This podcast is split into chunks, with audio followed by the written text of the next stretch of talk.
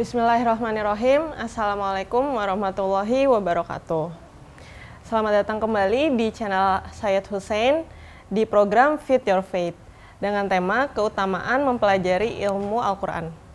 Bagaimana Habib? Bismillahirrahmanirrahim. Alhamdulillahirabbil alamin. Sallallahu alaihi wasallam Muhammadin wa alihi wa sahbihi ajmain. Jadi uh, tadi sebelum episode sebelumnya kita sudah membahas tentang mempelajari uh, Al-Quran ini kita mau bahas mempelajari ilmu dari Al-Quran juga hampir senada, hadis-hadis yang senada. Nabi bersabda, barang siapa yang keluar dari rumahnya untuk menuntut ilmu, ilmu Al-Quran, maka 70 ribu malaikat akan mengantarkannya selain mohonkan ampunan untuknya. Orang yang keluar dari rumahnya untuk mentadaburi Quran. 70 ribu malaikat mengantarkannya dan memintakan ampunan. Dan doanya para malaikat itu ada yang ditolak oleh Allah. Semua doa malaikat dikabulkan oleh Allah. Nabi bersabda, dia datang kematian kepada penuntut ilmu dan dia mati dalam keadaan seperti itu, maka dia mati syahid. Penuntut ilmu Al-Quran. Kirana Sabtu besok taklim, tapi Jumatnya meninggal, Anda mati syahid. Kenapa? Kalau saya hidup, saya taklim Quran. Jelas ya? ya? Nabi bersabda, barang siapa yang pergi di pagi hari untuk menuntut ilmu Al-Quran, maka malaikat akan melindunginya dan diberkahi kehidupannya serta tidak berkurang rezekinya. Maka orang tadabur itu di pagi hari. Walaupun saya, saya tadabur dulu, saya itu saya ke kantor kerja, nggak akan berkurang rezekinya. Ini ada orang miskin. Kita bisnisnya sama Allah. Nabi bersabda, barang siapa yang menempuh jalan untuk menuntut ilmu Al-Quran, Allah akan menunjuki jalan menuju sorga. Saya mau taklim rumah saya di di mana? Di Kebayoran misalnya saya, saya pakai map ke sana, Allah ngasih map menuju surga. Karena sama di, di, dikasih jalan ini menuju surga. Karena menuju Al-Quran seperti Anda datang ke al surga. Nabi bersabda sesungguhnya segala sesuatu meminta ampunan untuk penuntut ilmu Al-Quran. Bahkan ikan yang berada di laut, binatang yang ada di bumi, baik yang buas ataupun yang jinak. Semua mintakan ampun. Semua binatang yang buas maupun yang jinak. Kenapa binatang mintakan ampun? Kenapa? Karena mereka tahu orang yang memahami ilmu Al-Quran nggak akan mau ngerusak tumbuhan, membunuh binatang dan lain sebagainya, merusak ekosistem tatanan ini. Makanya ada tuh di, di, di surat Ar-Rum, surat Ar-Rum itu di, di, di surat ke-40 ay, uh, ayat 41 ya. Bismillahirrahmanirrahim. Zaharal fasad fil barri wal bahr bima kasabat adinas telah terjadi kerusakan di daratan dan di lautan ini disebabkan oleh ulah tangan manusia. Makanya fasad secara umum itu kerusakan secara umum orang yang tebang pilih, orang yang apa? buang sampah sembarangan dan lain sebagainya. Maka sini disebut segala sesuatu meminta ampunan untuk penuntut ilmu bahkan ikan yang berada di laut binatang yang ada di bumi baik yang buas ataupun yang jinak semua mintakan ampun kepada Allah eh, mintakan ampun kepada Allah untuk orang-orang yang menuntut ilmu Al-Quran. Nabi bersabda kepada sahabatnya, demi Allah jika Allah memberikan hidayah kepada seseorang melaluimu, maka hal itu lebih baik untukku dibandingkan mendapatkan unta merah. Unta merah itu apa sekarang? Rolls Royce, Ferrari itu semua. Zaman dulu itu cuma 4-5 orang yang punya dan yang paling banyak itu Sayyidah Hadijah istri Nabi. Sampai ribuan dan hartanya dihabiskan untuk Islam. Nabi bersabda seseorang yang pergi dengan tujuan menuntut ilmu seperti berjihad di jalan Allah. Jadi apa? Berjihad untuk ilmu Al-Quran. Nabi bersabda berdiskusi ilmu sesaat lebih baik daripada mengerjakan ibadah satu malam. Kita berdiskusi ilmu nih sesaat tentang ilmu Al-Quran itu lebih baik daripada ibadah satu malam. Nabi bersabda pergi dan mencari ilmu seperti berjihad di jalan Allah. Sungguhnya menuntut ilmu adalah kewajiban atas setiap muslim.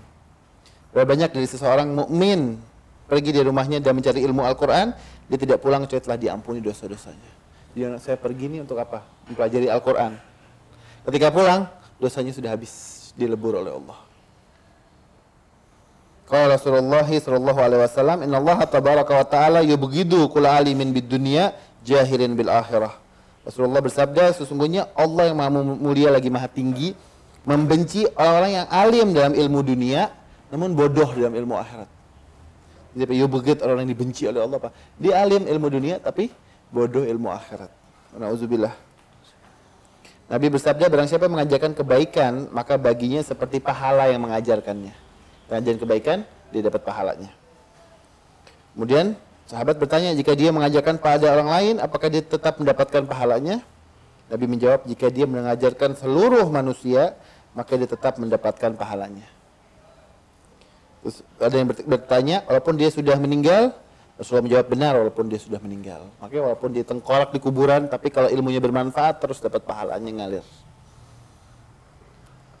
Terus orang mendatangi Rasulullah dan bertanya, wahai Rasulullah, jika ada yang meninggal dunia dan di waktu yang sama terdapat majelis Al-Quran, mana yang lebih engkau sukai untuk aku datangi? Nabi menjawab, Rasulullah menjawab, jika jenazah sudah ada yang mengantarnya dan menguburkannya, maka hadir di majlis ilmu lebih murah daripada menghadiri seribu jenazah. Menjenguk seribu orang sakit, salat seribu malam, puasa seribu hari, bersedekah seribu dirham kepada seribu orang miskin, seribu kali umroh, dan seribu kali jihad yang bukan wajib. Di mana pun majelis Al-Quran ini kau temui. Kemudian Nabi melanjutkan, apakah engkau tidak tahu, sungguhnya Allah ditaati dengan ilmu.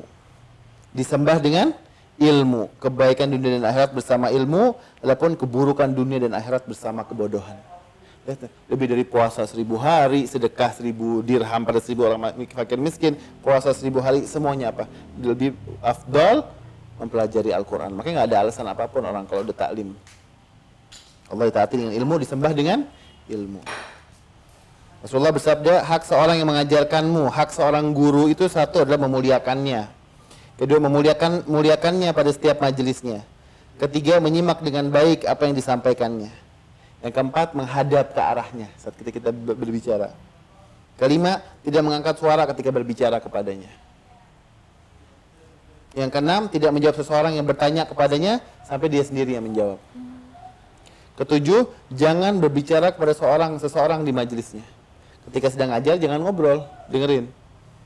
Kedelapan, tidak menggunjing orang lain kepadanya. Jangan ngatain orang ke dia. Kesembilan, membelanya jika orang lain menyebutkan keburukannya di hadapan engkau. Bela. Ke-10 menutupi aib-aibnya, ke-11 penampakan keutamaan-keutamaannya dan menceritakan tentang kemuliaannya. Disuruh diomongin kebaikannya, disebarkan malah. 12 jangan engkau duduk bersama musuhnya dan terakhir jangan engkau musuhi orang-orang yang dekat dengannya. Kemudian Nabi melanjutkan jika engkau mengerjakan hal ini, malaikat Allah akan bersaksi bahwa engkau bermaksud untuk belajar ilmunya karena Allah bukan karena manusia. Andai Al-Quran berbicara, waktu engkau masih kanak-kanak, kau laksana kawan sejatiku. Dengan wudhu aku kau sentuh dalam keadaan suci aku engkau pegang. Kau junjung dan kau pelajari. Aku engkau baca dengan suara lirih ataupun keras setiap hari. Setelah usai engkau pun selalu menciumku mesra.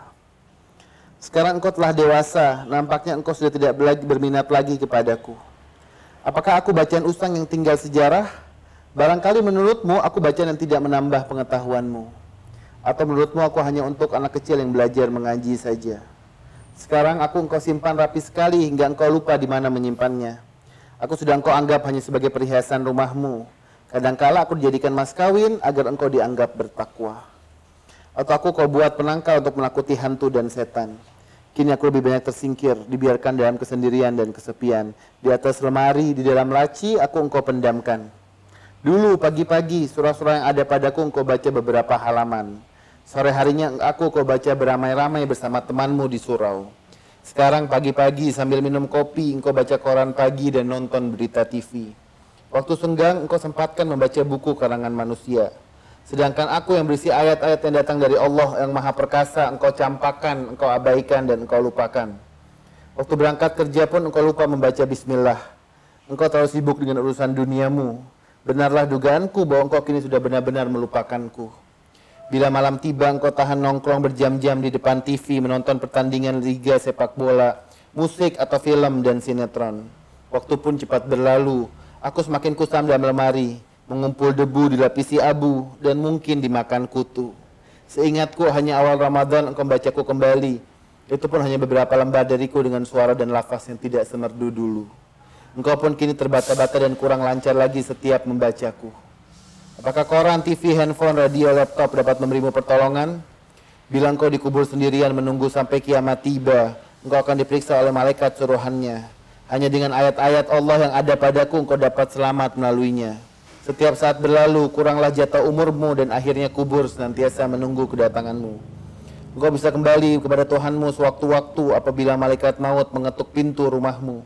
Bila aku engkau baca selalu dan engkau hayati, di kuburmu nanti aku akan datang sebagai pemuda gagah nan tampan yang akan membantu engkau membela diri. Bukan harta dan anak yang akan membantumu dari perjalanan di alam akhirat, tetapi aku Al-Quran kitab sucimu yang senantiasa setia menemani dan melindungimu. Seingatku, peganglah aku lagi, bacalah aku setiap hari karena ayat-ayat yang ada padaku adalah ayat yang suci, yang berasal dari Allah Tuhan yang maha mengetahui yang disampaikan oleh Ruhul Amin Jibril kepada manusia termulia Muhammad Rasulullah Sallallahu Alaihi Wasallam. Tentuhilah aku kembali baca dan pelajari aku lagi setiap datangnya pagi dan sore hari. Seperti dulu, dulu sekali. Jangan biarkan aku dalam bisu dan sepi. Maha besar Allah, maha perkasa lagi maha bijaksana dan salawat senantiasa tersurahkan atas Rasulullah beserta keluarga dan sahabatnya yang mulia. Dan itu sudah kesimpulan dari saya kajian ini. Alhamdulillahirrohmanirrohim. Terima kasih Habib Hussein dan terima kasih buat teman-teman yang sudah menonton. Sebagai bentuk pengamalannya, kami akan membuka kelas kajian kristologi yang mempelajari tentang Nabi Muhammad dalam perjanjian lama dan perjanjian baru. Untuk info lebih lanjut bisa dilihat di description box. Uh, jangan lupa di like, kom, uh, share, dan subscribe. Dan kalau ada pertanyaan boleh ditanyakan di komen. Insya Allah akan dijawab di episode selanjutnya.